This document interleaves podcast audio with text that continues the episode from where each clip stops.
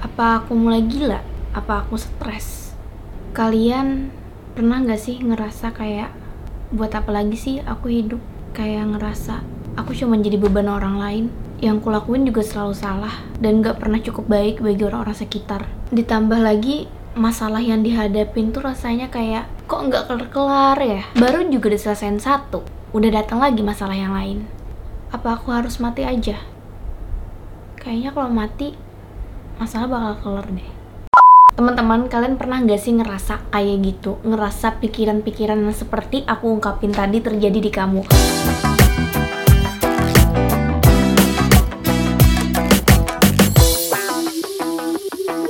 Hello, hello, hello Kembali lagi bersama aku Gusti Gina di channel Gina Samsudin Dan hari ini aku mau sharing ke teman-teman tentang bunuh diri Kenapa aku ngebahas topik tentang bunuh diri Beberapa hari yang lalu aku itu nonton drama Korea Jadi emang lagi suka-suka ini nonton Dan aku iseng nih nyari info tentang si aktor di drama Korea tersebut dan di related topiknya ada sebuah berita yang mengejutkan tentang kematian salah satu K-pop idol again Gohara. Bener gak sih nyebutnya Gohara? Sampai hari ini aku bikin video ini memang belum ada official statement dari polisi penyebab kematiannya apa. Tapi kuat diduga itu dikarenakan bunuh diri. Karena Gohara juga sebelumnya pernah melakukan percobaan bunuh diri. Tahu nggak sih kalau sebenarnya kasus bunuh diri itu bisa menular? Sebelumnya ribut tentang kematian bunuh diri dari Suli sekarang Gohara. Dan heboh lagi bahkan sudah memenuhi timeline Twitterku, Instagramku semuanya tentang kematian K-pop idol ini memang menjadikan sebuah misteri ya kenapa dia meninggal, apa alasannya dan begitu banyak spekulasi tentang pemberitaan tersebut. Tapi aku nggak ngebahas tentang kematian Gohara secara spesifik.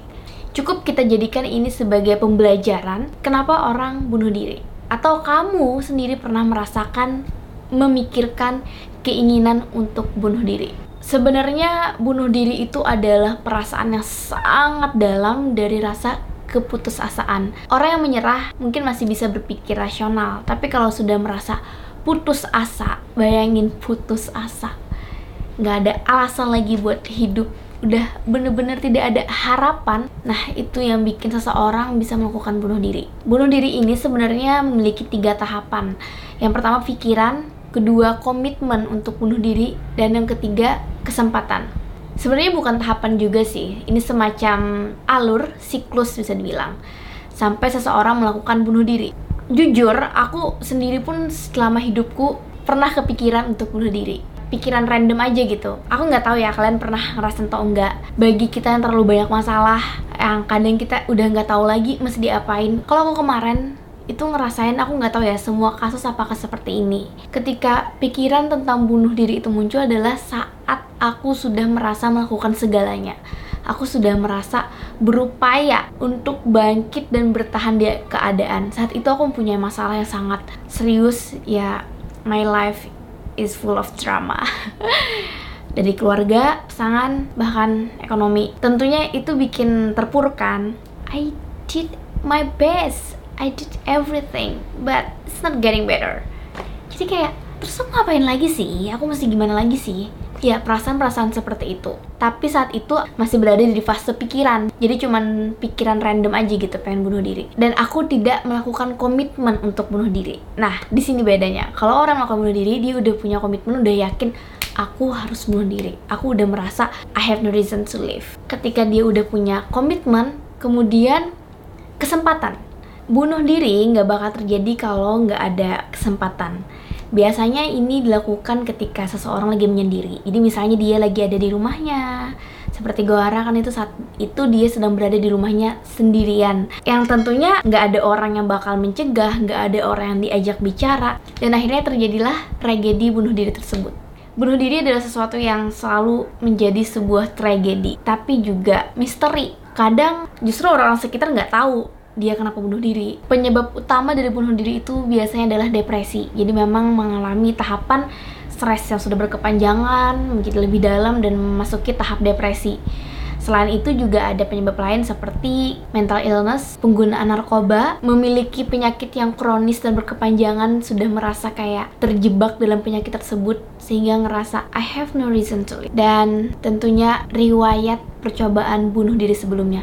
Gohara ini pernah melakukan percobaan bunuh diri di bulan Mei 2019. Ya, aku rasa itu salah satu faktor pendorong dia juga sih bunuh diri. Gawatnya, bunuh diri ini adalah sesuatu yang menular. Ya, kita nggak bisa menyangka fakta tersebut. Penelitian memang mengatakan seperti itu. Meskipun bunuh diri ini dikatakan menular, tapi bukan berarti seperti penularan penyakit fisik yang dengan mudahnya itu tertular. Misalnya flu, tidak seperti itu. Seseorang yang tertular untuk bunuh diri itu harus memiliki faktor risiko misalnya dia memang mengalami depresi atau dia mengalami riwayat mental illness atau penyakit kronis dan juga perasaan-perasaan yang emang hopeless terhadap masalah yang dihadapi sekarang. Karena adanya paparan tentang bunuh diri dari media ataupun personal circle dia itu bisa memicu atau mendorong semakin kuat perilaku bunuh diri tersebut. Akhirnya disebut dengan copycat suicide. Jadi bukan berarti kamu yang sedang baik-baik aja terus ngelihat berita tentang bunuh diri bakal bunuh diri selanjutnya nggak seperti itu. Jadi memang biasanya ada faktor risikonya dulu.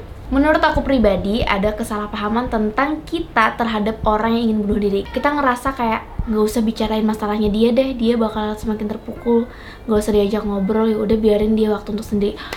Oh my god, no, don't feel that. Justru ketika ada orang terdekat kita, misalnya saudara, yang kita lihat dia begitu terpukul, dia begitu stres, dan dia bahkan pernah mengucapkan ingin bunuh diri, walaupun sambil tertawa misalnya, kita sebagai orang yang berada di sekitar dia harus menganggap itu hal yang serius. Kalau luka di kulit kita itu kelihatan, tapi kalau luka di hati itu nggak kelihatan. Cuman orang yang bersangkutan yang tahu. The first thing to do untuk mencegah bunuh diri adalah bicara sama dia. Coba tanyakan secara ringan gimana kabarnya? Gimana hidup kamu? Apakah ada masalah? Terus dengan masalah tersebut yang menjadi tantangan di hidup kamu gimana kamu cara copingnya? Gimana cara kamu menghadapinya? Apakah sudah baik-baik aja? Kamu ada kepikiran buat melukai diri kamu nggak? Kamu udah pernah ngelakuinnya nggak? Terus kamu juga ada kepikiran buat mati? Dan dengan semua masalah masalah ini kamu punya rencana nggak ke depannya gimana tentang hidup kamu?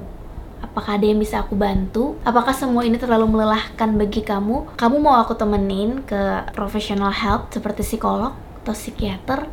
Mulai dengan pembicaraan seperti itu, berikan perhatian. Ya hal yang paling dibutuhkan adalah support system, orang yang bisa mensupport, yang memberikan simpati, empati, perhatian.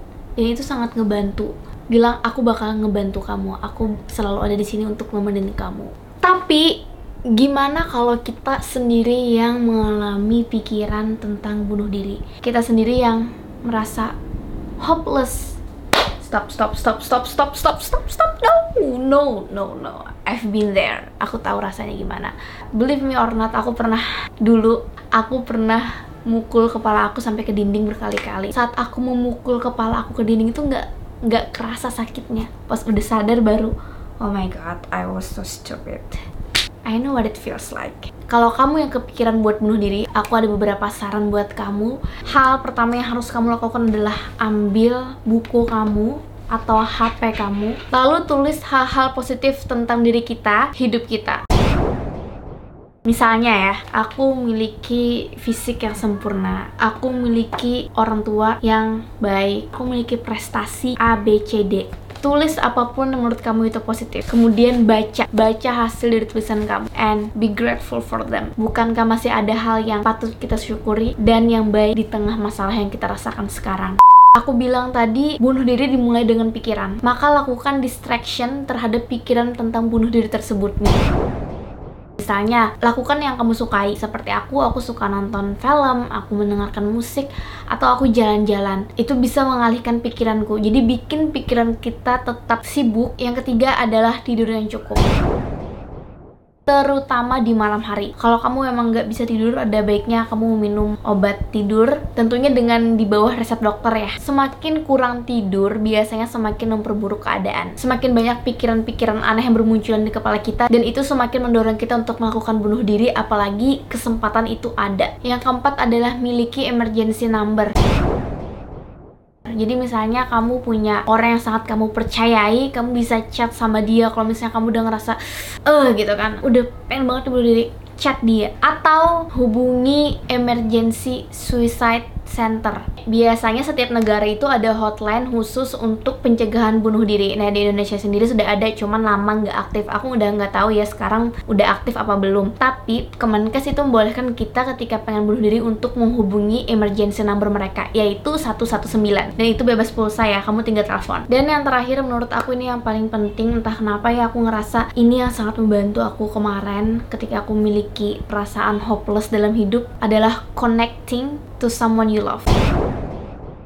Jadi connecting sama orang yang kamu sayangin itu nggak cuma pasangan seperti pacar ataupun suami atau istri, tapi juga seperti saudara, sahabat atau bahkan orang tua. Yang mana kamu bisa mengekspresikan tentang perasaan kamu, pikiran kamu, curhat kepada dia dan berikan pemahaman bahwa we need them, we need their support.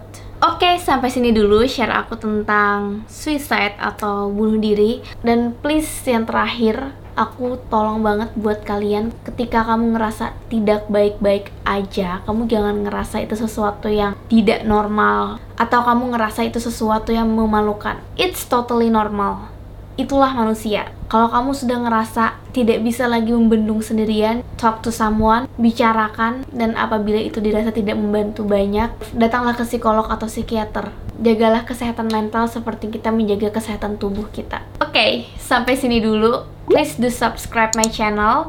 Jangan lupa untuk like, comment, dan juga reshare video ini jika kamu ngerasa ini bisa bermanfaat bagi teman, sahabat, ataupun orang yang kamu sayangi. Dan nyalakan tombol notifikasinya. Bye!